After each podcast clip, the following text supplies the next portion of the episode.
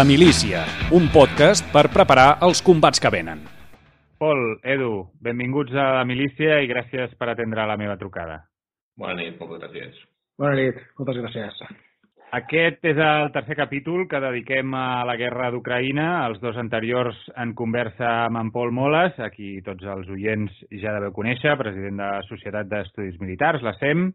I avui és un plaer incorporar a Eduard Ferrer, uh, màster en Estudis Estratègics i Seguretat Internacional i també màster en Història Militar, per tant, doncs, un, un bon entès, a més també expert en aquest, uh, aquesta zona de, del món, aquesta zona d'influència que en la qual doncs, eh, ens centrem per parlar de, de la guerra d'Ucraïna. També els podeu seguir els dos a Twitter, a un és arroba polmoles guió baix sem i el de l'Edu és una mica més complicat, és arroba rivalco tank army. Si, si hi ha algun problema, ho enllaçaré tot plegat, eh, quedarà ben bonica eh, quan pengi aquest programa, per tant no hi haurà problema.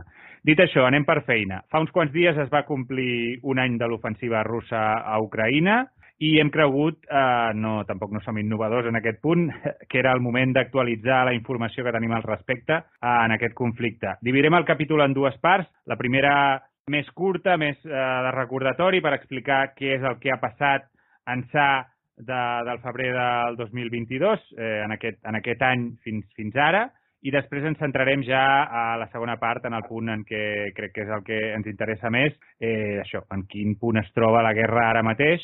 Com m'ha recordat fa un moment en Pol, eh, si voleu centrar-vos, escoltar eh, què ha passat amb més, amb més atenció, amb més, amb més estona, què va passar els primers mesos d'aquest conflicte, doncs podeu escoltar els primers dos capítols de, de la guerra d'Ucraïna que vam fer que vam dedicar-li aquí a la milícia. Per tant, eh, ja dic, per començar, potser seria bo fer una mica de memòria en quin moment, quan, quan van haver-hi els, eh, els primers combats, les, les primeres accions. No sé si vols començar tu, Edu, com a, com a convidat eh, especial avui.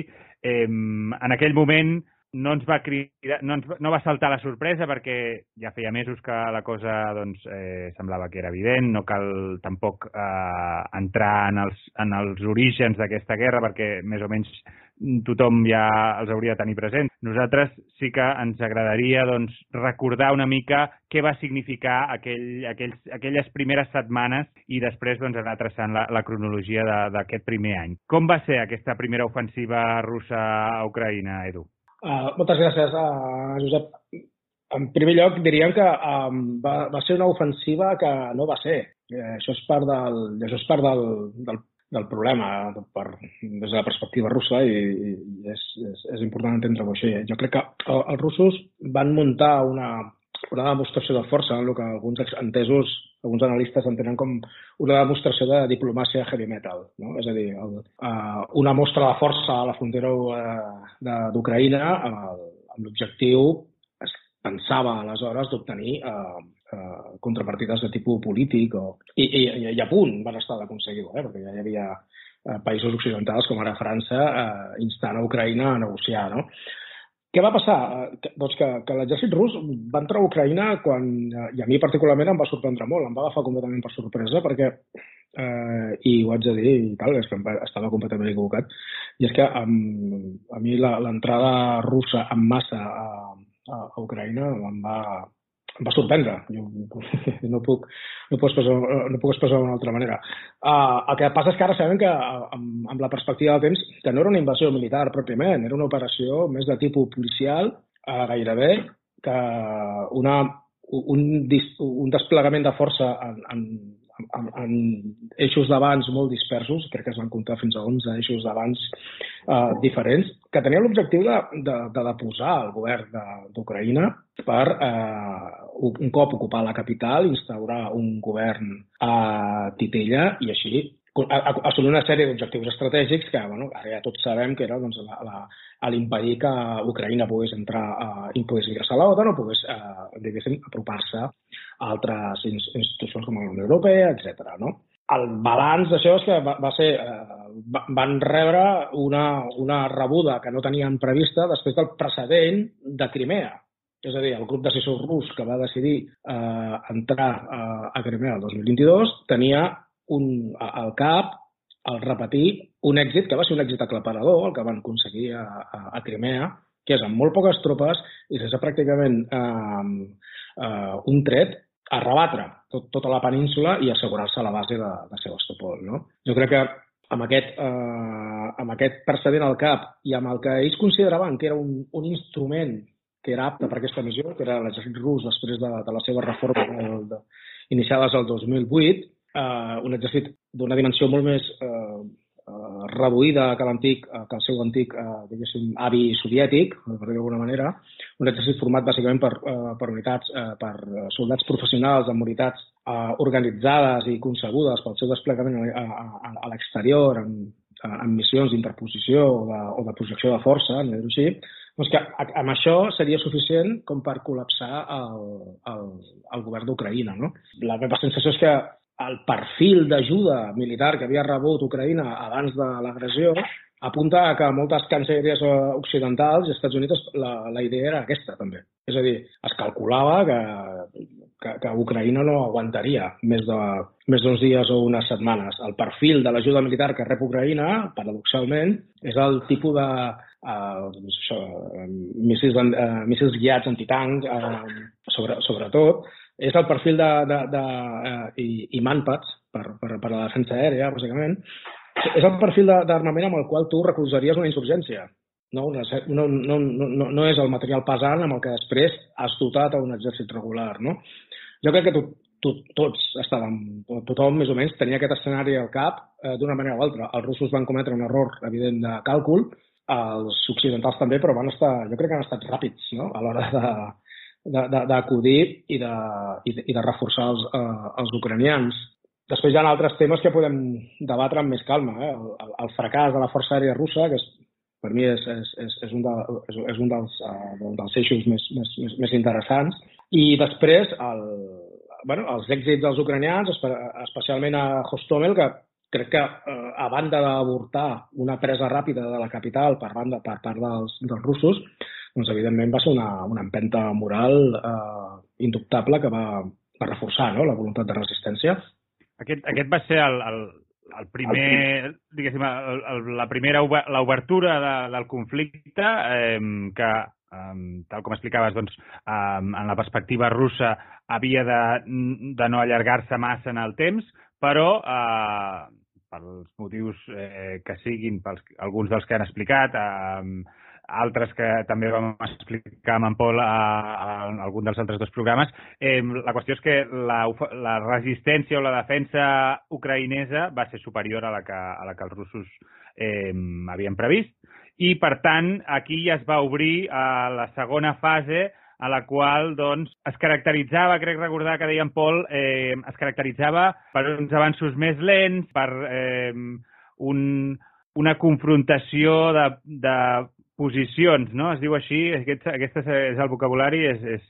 No, sí, en aquest cas, eh, afegiria que just per enllaçar amb, el, amb això, quan es, quan es veu clarament que s'ha ha estat un fracàs i alhora hi ha el replegament de tot els, eh, el que queda dels grups eh, d'exèrcits armes combinades del nord, és a dir, entren aproximadament amb uns 120 grups tàctics de batalló i després de les, de les desfetes del, dels fronts del nord i de l'eix de Kharkiv-Suni, dels 120 que tenien, en 30 els han de retirar perquè ja estan inservibles pel, pel combat a causa de les baixes que han patit. I aleshores escurcen el front i el front es limita, entre cometes, del que seria la zona del Donbass fins a la zona de Saporígia i, de la, i Kherson, que eh, serien només uns 800 quilòmetres, tenint en compte que van començar amb un front d'uns 2.000 quilòmetres a partir d'aquí poden concentrar-se. I és a partir del maig i sobretot el mes de juny que els russos poden concentrar tota la seva potència de foc en punts més concrets a la zona del Donbass i és quan veiem que hi ha les conquestes de la zona de Popasna, eh, Severdonetsk i Lysychansk.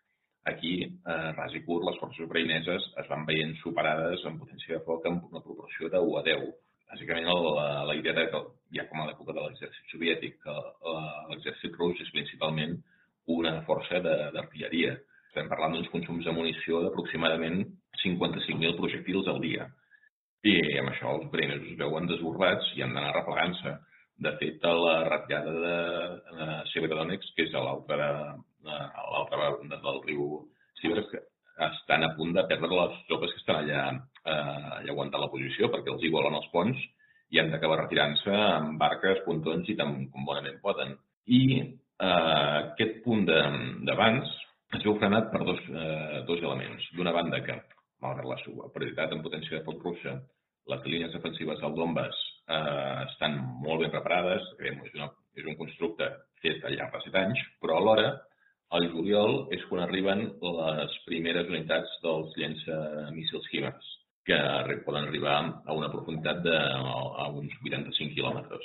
I aquí és quan comencen, bàsicament amb intel·ligència i imatgeria per satèl·lit eh, de l'OTAN i principalment dels Estats Units, a apuntar contra els dipòsits de munició russos i els nodes logístics.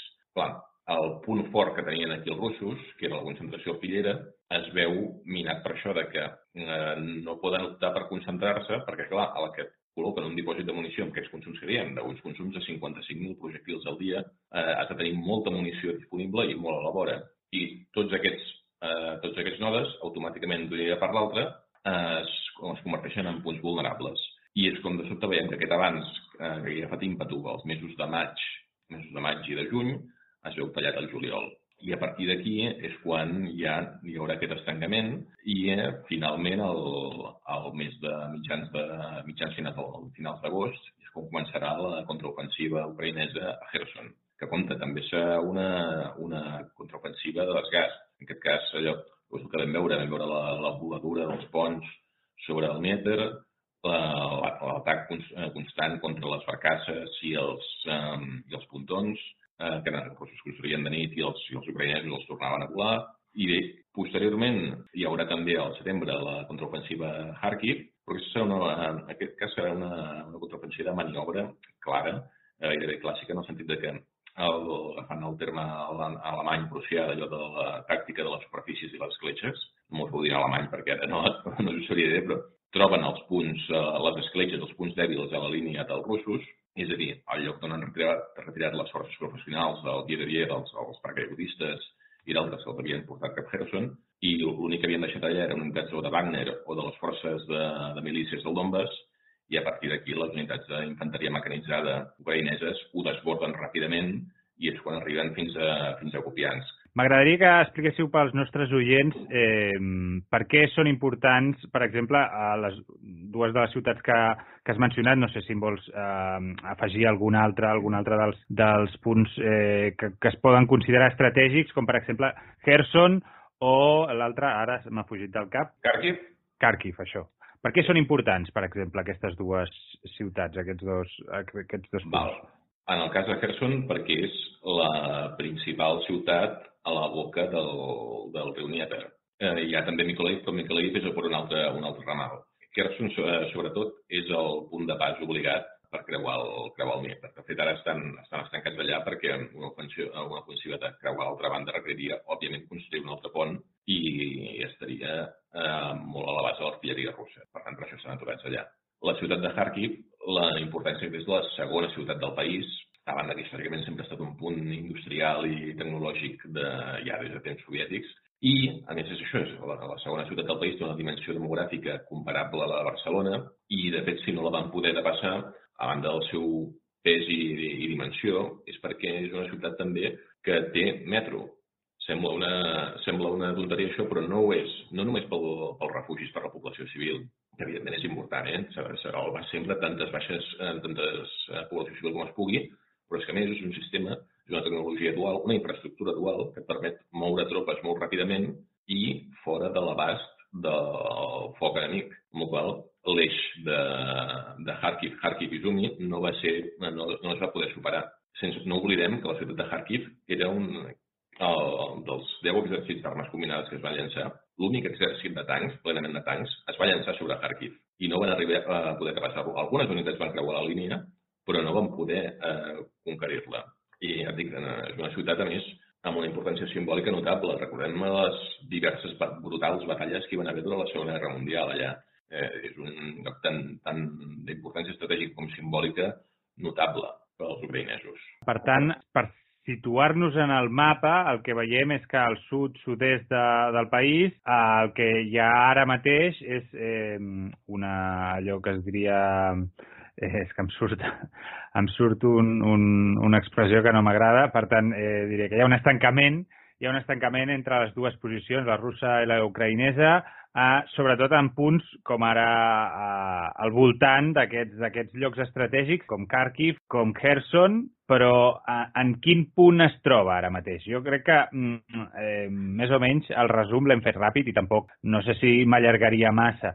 Eh, hi ha una cosa que m'interessa, eh, per la qual no sé si voleu eh, parar-hi ara o i, i parem després. El Pol ha mencionat que eh, els russos es basen molt a, en l'artilleria, crec que l'Edu això doncs, ens ho podria explicar bé. Hi ha un tema que ah, tu deies, Pol, 50.000 projectils al dia. Eh, clar, això a nivell eh, industrial, com s'aguanta? És a dir, eh, el fet de que, eh, per exemple, Lugansk eh, i algunes altres, eh, les zones, diguéssim, ucraïneses que estan en control rus, Eh, no sé si ho estic dient bé, eh, tot això, si, si m'equivoco em corregiu a l'instant. Eh, són també eh, potències o, o punts industrials molt importants per Ucraïna. No sé si també en aquest sentit o es poden fer servir en aquest sentit. I si no, expliqueu-me eh, a nivell a rus si, si, si tenen una força industrial prou potent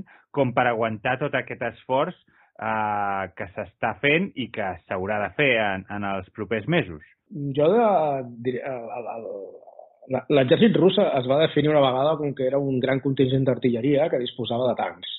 Llavors, ja, de, ja defineix una mica el, el, el, és, és des dels temps de Pere el Gran, que l'exèrcit rus ha confiat en la seva artilleria, no?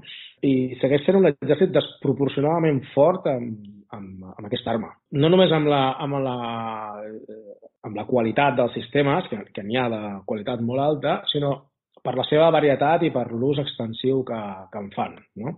El, el que ens explicava el Pol, és la, la, quan, quan, quan es, eh, es reagrupen després del, del fracàs inicial, els russos el que intenten és eh, recórrer al manual. No? I el, el, el seu manual consisteix en, en obrir-se pas eh, a canonades, eh, sobretot esclafant tota resistència per després, diguéssim, pas a pas anar, avançant no? i anar, anar, anar, ocupant, anar ocupant terreny.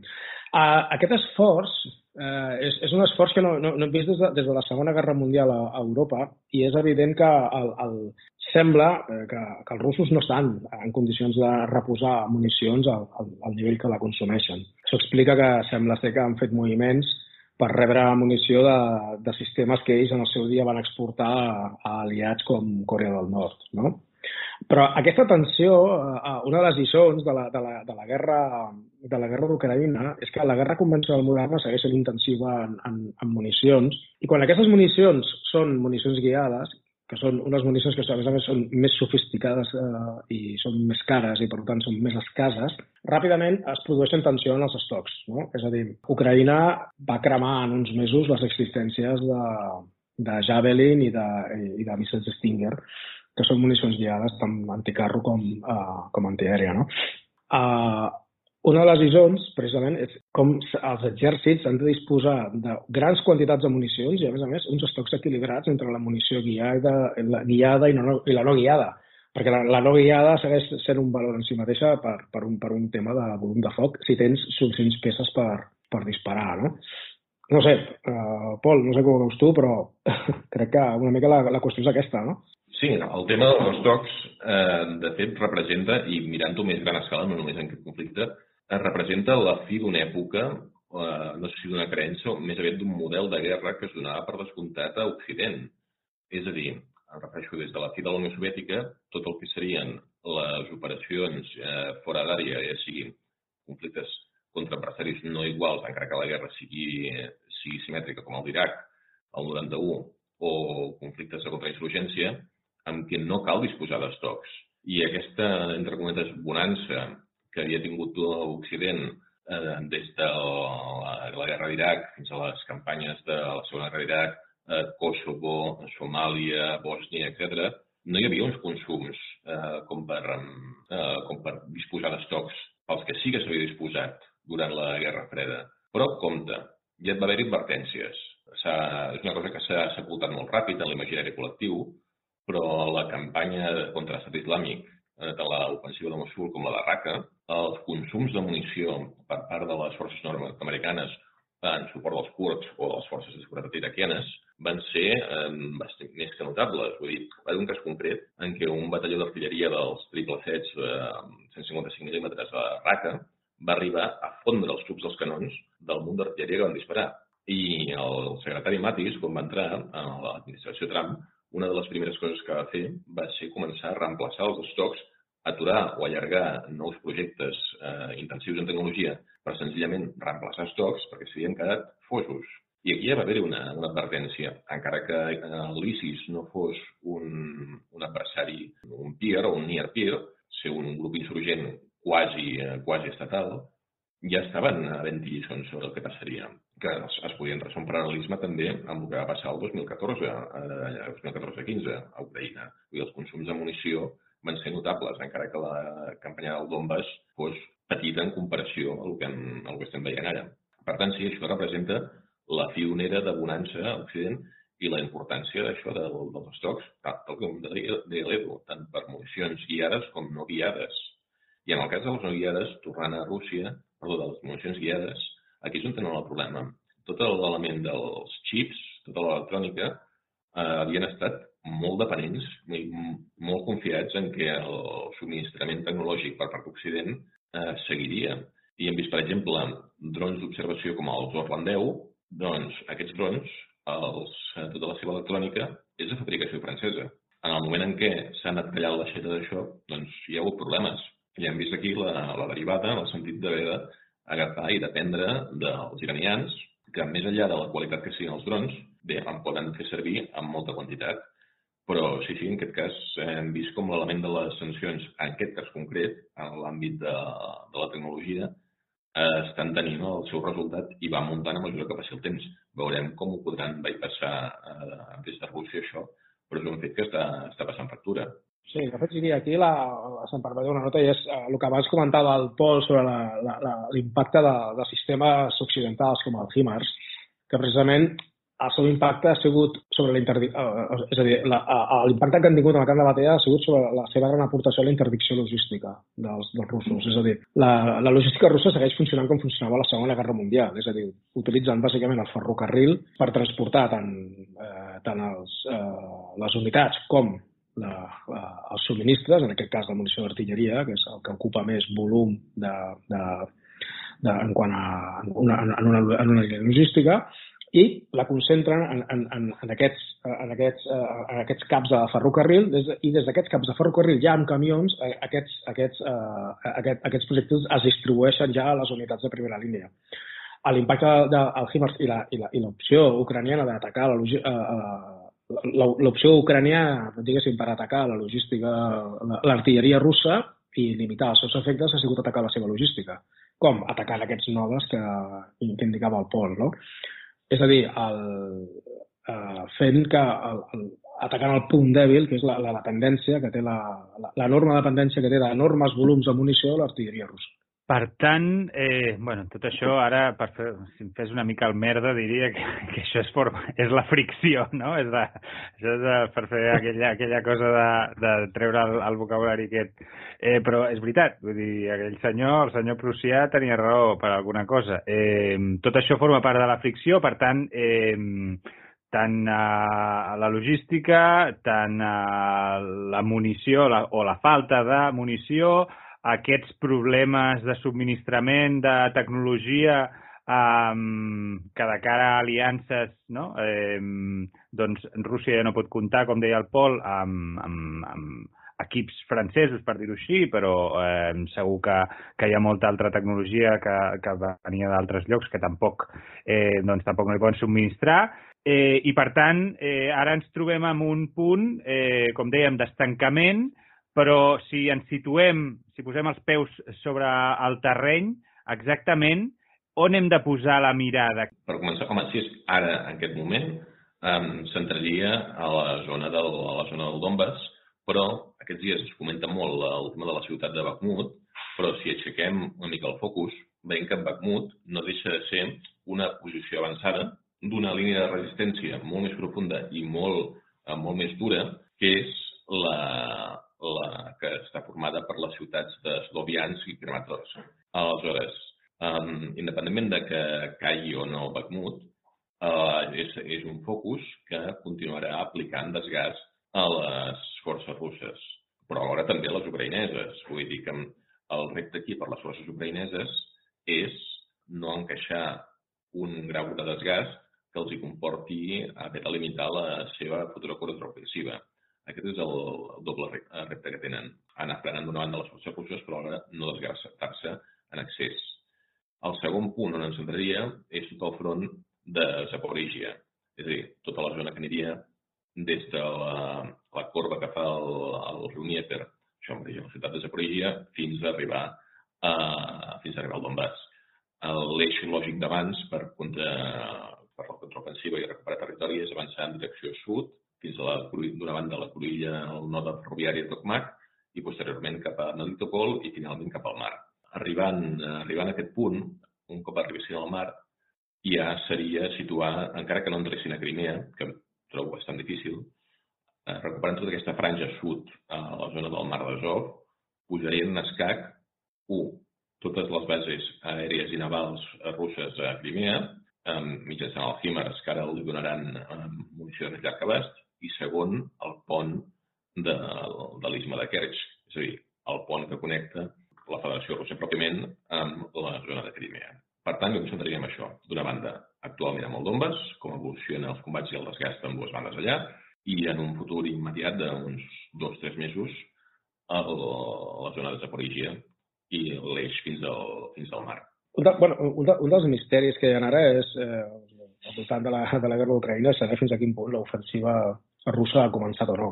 És a dir, perquè hi ha, hi ha com una, una continuïtat en, en, el, en, els, en, els, en els combats, una manca manifesta de, capacitat, de capacitat de maniobra que eh, fa que la, les operacions russes siguin repetitives, no? siguin molt prevedibles i bàsicament són grans esforços eh, frontals basats en l'artilleria, com l'esforç artiller que comentàvem abans, sobre punts molt concrets de, de, la, línia, de la línia ucraïnesa. No?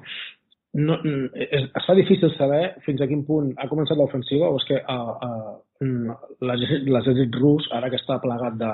Uh, les, seves, les seves unitats estan plegades de, de, de soldats mobilitzats, eh, no és capaç d'oferir un, un gaire cosa més.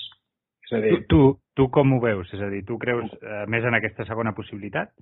Uh, sí, jo crec que estem assistint a un, a un espasme estratègic de l'exèrcit rus. Em dona, em dona la sensació que uh, les seves unitats professionals han encaixat massa, massa baixes, els seus uh, soldats mobilitzats no són capaços d'oferir gaire cosa més. El, el seu sistema de comandament i control tampoc s'ha mostrat gens eficaç al llarg de, la, al llarg de tota la guerra. No? Llavors, veig molt probable el que deia el Pol, estic eh, completament d'acord. Un dels grans objectius estratègics que tenen els, els, els ucraïnesos que tenen, eh, és eh, un seria recuperar idealment el Donbass, que és un objectiu estratègic de primera magnitud, però és allà on hi ha concentrada la major, la major, la major part de les forces eh, russes i la, la, el marge de maniobra en aquella zona és, és, és més limitat. En canvi, la, la, la, cur, la, la, la curva del, del, del Níper i, i des de Zaporizhia hi ha un, crec que és un progrés d'uns 80 quilòmetres fins a, fins a Melitopol. Uh, això implicaria acabar amb un dels grans... Uh, una, una de les poques fites que va assolir l'ofensiva uh, russa del febrer, del febrer passat, que és unir a través d'un... unir per terra Crimea amb, amb el Donbass, no? Uh, I jo crec que per aquí és on, on podem, veure, eh, podem veure acció, sobretot a la primavera, i és, i és en aquest sentit que eh, no dubto que els, que els ucraïnesos eh, est estan basant, és, a dir, per, per aquest motiu estan demanant eh, rebre tancs occidentals, perquè necessiten aquest, aquest mitjà per una operació d'aquesta magnitud. Pensem que l'ofensiva que, l'ofensiva que comentava abans el Pol, que a l'est de, de Kupiansk, al setembre, es calcula que no van, no van utilitzar més de 80, més de 80 tancs. Un reforç significatiu en tancs occidentals els donaria l'avantatge que necessiten per poder, per poder assolir l'objectiu d'aquesta magnitud, penso. Aquí, aquí hi ha un, bueno, una bueno, conversa que vau tenir a, a Twitter que m'agradaria reproduir en el sentit que eh, tu comentaves que hi havia aquí un punt eh, que és un, un punt feble evident d'Ucraïna, de, de, de, de les forces ucraïneses, que és la seva dependència d'Occident en el sentit que, eh, ho, has, ho has comentat, al principi els enviaments que van fer d'equips de, de, i d'armament estava pensat eh, per fer una insurgència, és a dir, estava pensat perquè allò no aniria com, com ha anat finalment i, per tant, eh, no estava previst el, que, el, que, el desenvolupament posterior i ara eh, Ucraïna, eh, que a, a nivell de, de, de moral, a nivell de, de resistència, doncs està, està actuant per sobre de, del que s'esperava, eh, això sí, a nivell d'armament i d'equipament, de, de, clar, depèn exclusivament de, del, dels seus aliats, que són bàsicament els països occidentals, la Unió Europea, els Estats Units, eh, Gran Bretanya, no, no tinc, no, no, no perquè no ho sé directament, eh, però Canadà, Austràlia, m'imagino que formen part d'aquesta aquesta, aquesta aliança. Però clar, si això s'allarga molt, crec que dèieu, no? comentàveu que si això s'allarga molt, Tu, eh, Edu, deies, el 2024 hi ha eleccions als Estats Units, per exemple, no? Aquí hi ha un element de disrupció evident, no cal que sigui Donald Trump, però pot ser qualsevol... Vull dir que de, de candidats pirats segur que en surten uns quants, això no, no, no ho dubtem.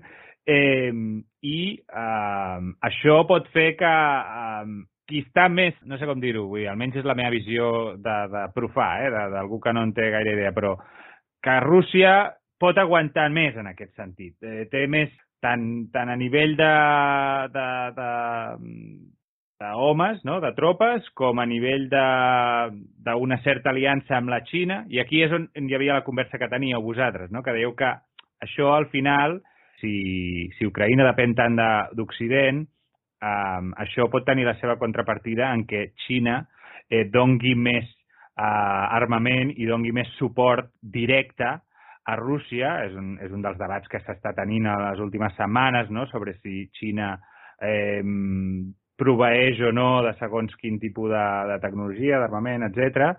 Eh, perquè això podia ser una forma de mantenir eh, agafat als Estats Units i als seus aliats occidentals de cara a un altre possible, no? a un altre escenari eh, més enllà al Pacífic, que és el que realment eh, els analistes que, que en sabeu molt eh, és on ens podem estar encaminant, si no ho tinc mal entès. Eh? I ara ja us deixo a vosaltres perquè desenvolupeu això. Eh, no sé si s'ha entès, però crec que sí. S'ha entès, s'ha entès. Um, aquí hauríem de llançar d'una banda la part política i la part logística i tecnològica. És a dir, en el cas de la Xina, diguem que per assaltar Taiwan el tipus de plataformes i munició que necessita no és la mateixa que necessita Rússia per mantenir el combat a Ucraïna. És a dir, a la Xina el que li interessa no és en si mateix que Rússia guanyi o perdi, tampoc que perdi, però més que res mantenir el conflicte obert i mantenir les forces occidentals fixades allà. Per tant, el fet de desfer-se d'una part del seu estoc d'artilleria, eh, principalment munició de 152 i 122 eh, mil·límetres, doncs no li suposaria un problema en accés i menys encara quan el seu estoc principal, pel que en cas que es, eh, que es materialitzi, que té bastants números, l'assalt a Taiwan el que necessitarà principalment seran plataformes de transport, eh, munició guiada, sobretot, i, eh, i bé, principalment, eh, principalment vaixells i avions. És una operació amfíbia a gran escala en el cas de Taiwan. Per tant, diguem que no li passa res si buida el seu estoc de, el seu estoc d'artilleria o una fracció. En el cas dels Estats Units, el tema és Avui he estat, he estat les xifres i si efectivament l'ajuda enviada pels Estats Units a Ucraïna no suposa més d'un uh, 4,64% del seu pressupost de defensa, agafant com a referent el de l'any fiscal 2021. El 2022 encara no el tenen tancat. Però, compte, com tot, el diable s'amaga els detalls. Aquests 400.000 milions de dòlars, un 27%, és el que fa referència al, al capítol de la partida de material. Per tant, no estem parlant d'un 5% del pressupost, sinó en realitat el que s'ha enviat, que és principalment material, representaria eh, gairebé el 15% del pressupost, en l'equivalent en pressupost de material nord-americà. I si això va sumant, als Estats Units el que interessa és tenir el màxim d'estoc disponible per quan eh, aquest conflicte s'esdevingui. I encara que el suport nord-americà sigui ferm, no es poden permetre eh, haver de eh, lluitar o una, mantenir una guerra directa i una altra proxy.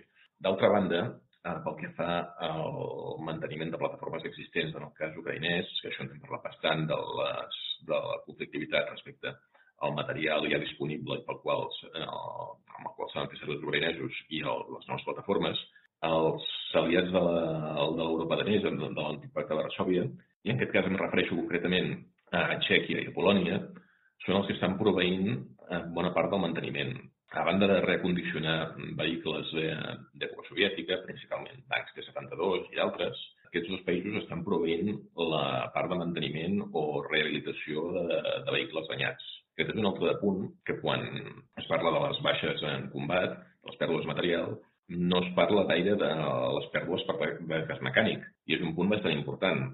I aquí és on els polonesos i txecs estan aportant bastant suport i és d'esperar que el continuïn aportant. Doncs sí, en aquest cas, mm, resumint, Ucraïna té una dependència eh, pel que fa al material, claríssim, és, és evident, i es veu aquesta espasa de Democles de, fins que els Estats Units, evidentment hi ha el de les eleccions, però també hi ha l'element que independentment de qui guanyi les, les properes eleccions als Estats Units, mm, s'haurà de preparar, per, si no per lliurar un conflicte, amb la Xina, com a mínim, exercir una dissuasió efectiva. I això implica estrictament, doncs, tant sí com no, centrar-se eh, estrictament amb la Xina. O sigui que el suport nord-americà mm, no, és, no és il·limitat. No, és això. El, la conversa que teníem l'altre dia intentàvem explicar era, era una mica això. A mi la, la sensació ara mateix és que, el, tot i que l'exèrcit ucraïnès ha estat entrenat des del 2014 sota estàndards OTAN i ha estat entrenat per eh, assessors tant britànics com nord-americans, eh, no deixa de ser cert que els, el, el, el 2022 era un exèrcit que estava, comptava bàsicament amb material de la guerra soviètica. Bàsicament perquè eh, tant Rússia com Ucraïna són, el que, són estats arsenal, és a dir, gran part de la indústria de guerra eh, soviètica estava basada a Ucraïna. Uh, Ucraïna ja tenia una important indústria de defensa i, i ja era un, un, un, i és un dels grans, eh, bueno, els T-72 es construïen a, a Kharkiv mateix, no? Què vull dir amb això? Que uh, Ucraïna ha estat fent, uh, uh, ha estat uh, oferint aquesta resistència amb, amb, amb, amb armament de l'era soviètica, que és amb el que disposava, fins, a, fins que els aliats l'han començat a, a, a proveir de, de, de tot aquest material que comentàvem ara. No? Però l'impacte crític que tenen determinats sistemes i, i sobretot determinades eh, municions guiades fa que siguin desproporcionadament interessants eh, i importants. No? Què succeeix? Dóna la sensació, i, i això és el que veurem al llarg d'aquest any, crec, i sobretot de, entre primavera i estiu, però dóna la sensació que cap dels dos bandos és, cap dels dos bandos és prou fort com per imposar-se clarament a l'altre i cap dels dos és prou dèbil com per ser derrotat d'una manera decisiva. Aquesta és una mica la, aquesta és una mica la, la sensació que, que, que, que transmet no? la, la cosa. Això ens porta a uns, a uns escenaris en els quals el, sembla que el més probable és que hi hagi un estancament o, no, si no, amb, amb, amb una guerra de posicions estancada, sí que és, ens podem trobar que, que les victòries militars d'Ucraïna que, que, que, que poden venir, perquè jo crec que ara hi ha un avantatge qualitativa per part d'Ucraïna i quan rebi, si rep eh, sistemes com eh, tancs occidentals com, com els Leopard o, com, o inclús eh, avions de combat, com s'està comentant últimament, que hi havia la possibilitat de que rebés F-16, etc. Jo crec que es pot donar, es pot donar la situació de que hi hagi victòries eh, militars sobre, en, en, en, en l'àrea d'operacions, però això no, no, no té per què traduir-se en, una en una victòria estratègica, és a dir, en un, que aquestes victòries siguin insuficients. No? I em dona, em dona la sensació que és, és, és, és cap a on podem anar, cap a un, cap a un estancament. No? Aquí és on entren, eh, entren altres actors. Entre, entre la, la, la Xina, que ja està suportant a, a Rússia, òbviament, a, a base de comprar-li uh, combustible barat, que també se'n beneficia, lògicament, però li està comprant el petroli, uh, l'està nutrint de, de divises, li està uh, proveint de... Uh, està intentant proveir-li d'aquests sistemes, uh, diguéssim, uh, tecnològics com xips, etc que, que, que les sancions occidentals han, han, han fet que, que, que Rússia doncs, eh, no pugui accedir a les, a les que estava obtenint abans, i per altra banda doncs, aquest intercanvi, aquest eix del mal s'està formant entre Rússia i l'Iran, doncs, entre dos, eh, dos pàries eh, que, eh, víctimes de les sancions internacionals i que s'estan doncs, eh, alimentant els uns als altres. No? Eh, Rússia està proporcionant, sembla que proporcionarà avions de combat a, a l'Iran, eh, l'Iran l'està proveint de, de drons, eh, sobretot de municions autònomes i sembla que es parlava que li podia enviar míssils balístics així de, de curt abast i per altra banda, doncs, bueno, l'inconfessable suport rus a un programa d'enriquiment de, nuclear iranià doncs està, està, ja, està ja sobre la taula també. No? Llavors, aquí veiem com hi ha una mena de, de, eh, no una escalada horitzontal, però sí una implicació de, de diversos sectors en els quals al cap i a la fi on podem acabar a trobar-nos és, és, és que que eh, a un actor com a la Xina li pugui interessar que aquest, eh, aquest conflicte Mm, almenys no acabi d'una manera ràpida. O sigui, en aquest cas, doncs, veig que els dos coincidiu força en, en, a, en la valoració aquesta. Em, també m'agradaria, abans de, de passar a una última, una última part més de prospectiva, que ja ho hem anat fent, però si de cas amb, amb escenaris potser més, més concrets, he preguntat eh, per Twitter si algú doncs, tenia, volia fer algun comentari, volia, fer, volia dir alguna cosa, i crec que és evident perquè l'Oriol Sallent ens deia, ens diu, es parla molt de l'equipament, tancs, munició, artilleria, ho hem fet aquí també, i trobo que es parla poc del factor humà.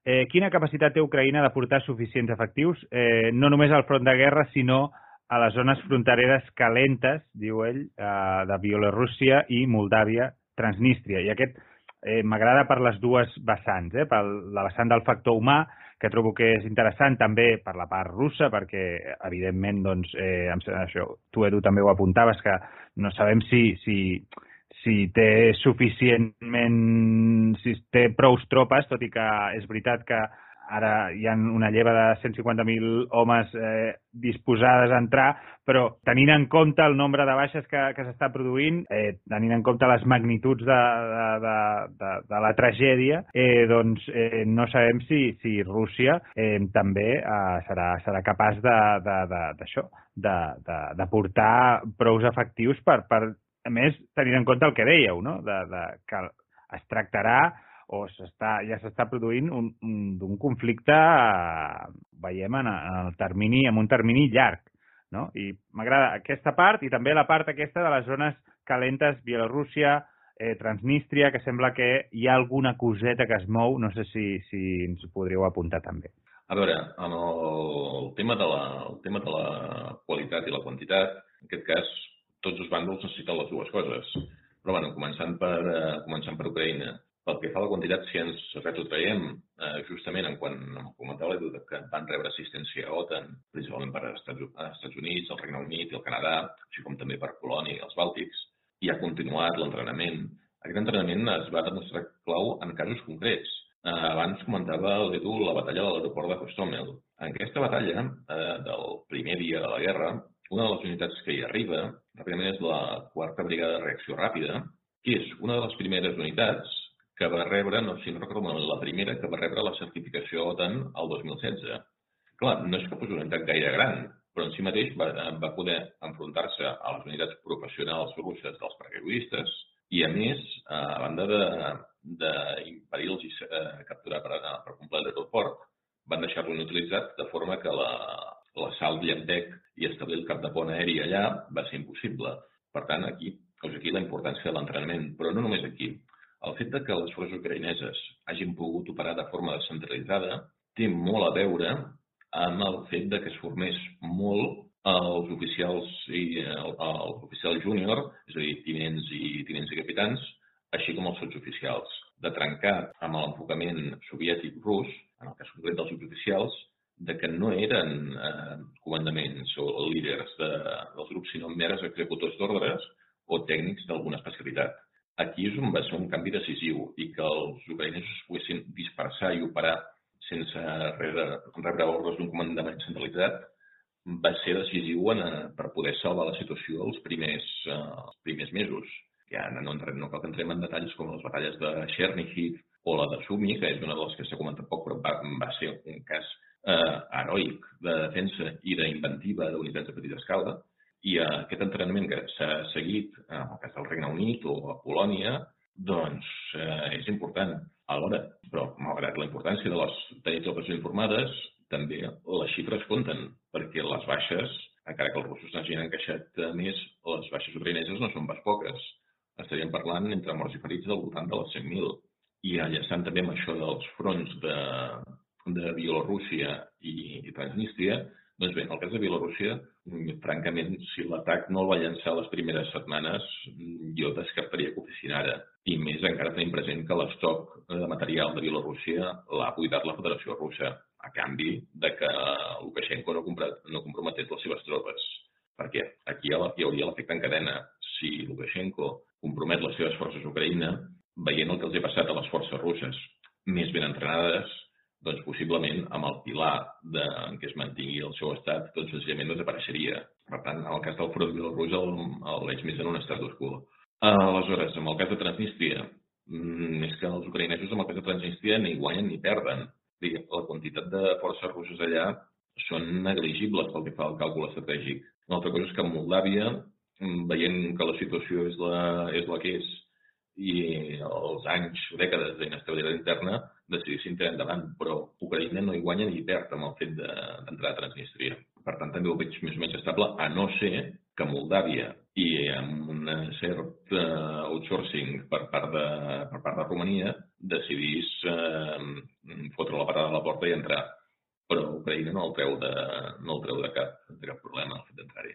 Sí, en, en, en línies generals és, estic completament, completament d'acord. En quant al nivell de personal, sí que afegiria una cosa que és, és per puntualitzar una mica. És a dir, una, una de les característiques d'aquesta guerra i una de les, de, de les lliçons de la invasió és que, és que comentàvem abans, que els, Rússia va entrar en un exèrcit professional eh, bàsicament amb, perquè sense estar en guerra els reclutes teòricament no poden servir a l'estranger, llavors només va poder utilitzar els seus, els seus soldats professionals. Això va, va, va portar en part a un problema d'estructura de força, és a dir, una força desproporcionadament forta amb, en tancs i en vehicles de suport i en, i en vehicles de combat, però eh, molt curta en quant a infanteria, en quant a fusellers que protegeixin aquests vehicles. Això es, va fer tan proclius a les emboscades dels ucranians a, a l'inici de la guerra. La, la, la capacitat d'aquests de poder operar en petites unitats eh, prenent la iniciativa. Això crec que va ser un dels elements claus als primers dies de, als primers dies de la guerra. Eh, hi ha, a més a més, un fet qualitatiu que em sembla molt, molt, molt important i és que a, a,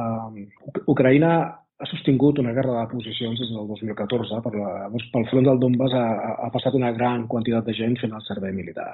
És, és a dir, Ucraïna disposava d'una gran, eh, d'una gran bossa de, de reservistes amb una certa experiència, que ja és molt, qualitativament és molt, eh, en el front.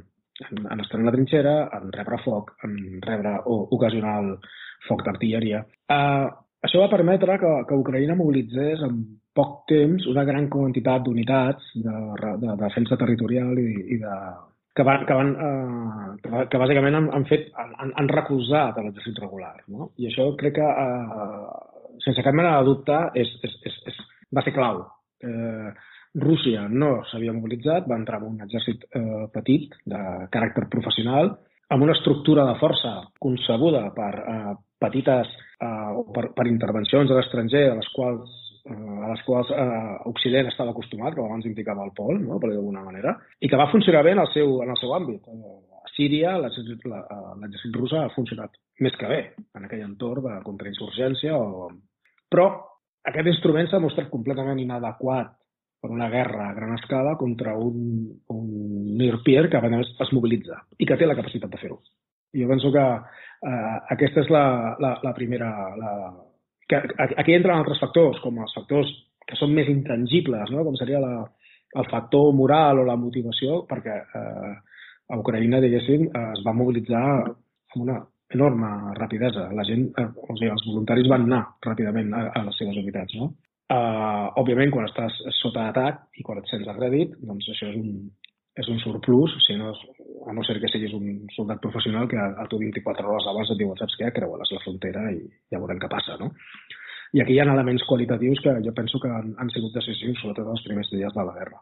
Jo crec que hem donat la, la pregunta més que per resposta. Jo crec que pot estar molt, molt satisfet a l'Oriol. Eh, ens queda poc, poc temps ja per, per anar acabant eh, i jo crec que, ja dic, ho hem anat fent, però potser sí que estaria bé tenir una visió vostra de, dels propers mesos, fins i tot pensant en quins escenaris podrien conduir a una negociació, tot i que ja, pel que hem estat explicant, doncs sembla que, que no interessa massa a ningú o que sembla bastant llunyà aquest, aquest hipotètic escenari de, de negociació, però no sé si més no per apuntar què faria falta, per exemple, perquè, perquè s'asseiessin a, a negociar les dues parts.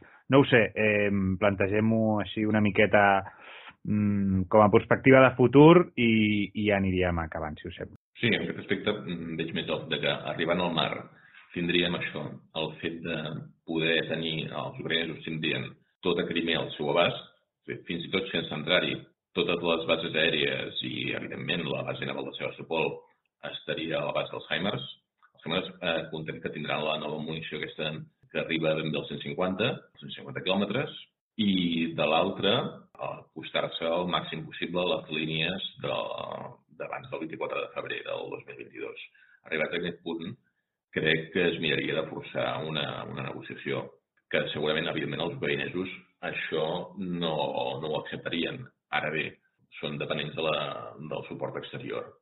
I alhora també un altre, un altre punt. Encara que el Donbass fos una àrea industrial potent, el, el grau de devastació que ha patit i això també, en certa manera, per part de la seva població, diguem que la voluntat de combat per part seva, independentment de que eh, fossin més o menys pro-russos, la situació en què el Donbass no dona per gaire. És dir, o requerirà dècades de recuperació i reenfocar-se cap a un altre àmbit econòmic, perquè totalment no s'hi pot, no pot fer res. I eh, val a dir també que les forces de, tant de les repúbliques de Donetsk i Lugansk van quedar devastades en els primers mesos de guerra. O, o la pròpia, el propi portaveu del, del govern de Donetsk va dir que en qüestió de quatre mesos havien patit prop de 10.000 baixes, comptant morts i ferits. Tinguem present que, que van començar la guerra amb nominalment uns 20.000 efectius. Dir, en quatre mesos havien perdut la meitat dels seus efectius. A aquestes alçades, mm, comptem que en deu quedar. Doncs diguem que a ells la guerra no els ha sortit gaire compte la unificació i tenim present com ha quedat el Donbass, doncs gaire voluntat de seguir en combat no crec que en tinguin. A partir d'aquí, crec que això, línies del 24, ah, del 23 de febrer del 2022, crec que seria un punt a partir del qual es podria negociar, evidentment, forçat des de fora. Tu, Edu, com ho veus? El, el, el, el, uh, Ucraïna és més dependent de, de l'exterior en quant al suport militar que rep és a dir, el, el suport militar que rep Rússia és més, més indirecte i al cap i a la fi, en el nivell estratègic, en certa forma, a, a Rússia li interessa un, congelar el conflicte, inclús arribar a un estatus similar al de similar al de Geòrgia, no? després del 2008, de la guerra del 2008. És a dir, un Geòrgia 2.0 o un Geòrgia a l'Obèstia, no? és a dir, congelar aquest conflicte perquè el suport militar d'Occident cap a Ucraïna és una, és una qüestió de voluntat política. No? Aquesta és una de les variables. Uh, què pot passar?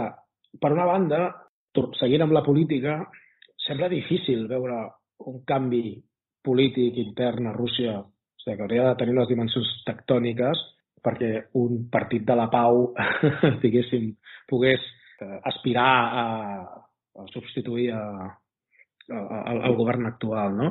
Però, en canvi, és plausible pensar que una posició maximalista del govern d'Ucraïna envers unes hipotètiques negociacions amb Rússia sí que pot debilitar el suport, aquest suport polític de la qual és dependent al final, no? Per, de cara a, la, a, rebre, a seguir rebent ajuda exterior. Això és una altra, això és una altra variable i després eh, hauríem de, hauríem de valorar en aquest context, en aquest lapse de temps al qual disposa Ucraïna, fins a quin punt en l'àrea d'operacions hi ha un canvi militar eh, important. I això només pot passar perquè Ucraïna obtingués una victòria militar important.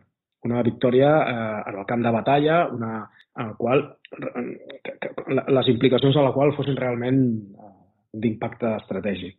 No? Uh, en aquest sentit, jo estic molt d'acord amb el Pol. A mi, sobre, sobre mapa i així una mica en plan conversa de barra de bar, doncs l'eix que apuntàvem no? cap a i cap al, Mar d'Azov té, té el mèrit de, de ser una, una operació que sembla a l'abast d'Ucraïna amb el suport adequat per part dels seus aliats i, eh, i pot tenir efectes transcendents no? a l'hora d'aïllar Crimea i fins a quin punt això implicaria que els, aquests aliats obliguin a, a Ucraïna a renunciar a, aquestes, a aquests principis tan maximalistes de cara a una hipotètica negociació amb Rússia, això ho hauríem de veure. No? Després hi ha dos eixos més, que ja, aquests ja són més imponderables, que tenen a veure amb, la, amb, la, amb, la, amb una hipotètica escalada del conflicte. No? Uh, aquesta escalada pot ser uh, en horitzontal, amb la intervenció, diguéssim, activa de més actors, però sembla, sembla complicada. Uh, Bielorússia, perquè té prou motius, de, uh, motius interns com per no veure's implicada directament en la, en la, en la campanya, ja és, una, ja és un bon termòmetre de per on van els, els, els, de per on poden anar aquestes coses. I, per altra banda, la, el fet que mm, per molta retòrica russa que hi hagi al respecte, és obvi que no, no hem d'esperar una intervenció directa de països de l'OTAN en, en, en el conflicte. Una, no una intervenció directa, evidentment. Quedaria l'imponderable una possible escala, escala vertical, però en aquest sentit eh, el, el, el misto atòmic que periòdicament es, eh, apareix des de Moscou avisant-nos a tots de, de les amenaces, o sigui, de, de, dels perills en els quals incorrem si es, es recolza Ucraïna només ha de ser un actiu polític, no? És l'últim recurs per, eh, més per retòric i de, i de, i de, i de, eh, i de dissuasió que no pas una amenaça plausible, crec, no? Amb tot això, la meva...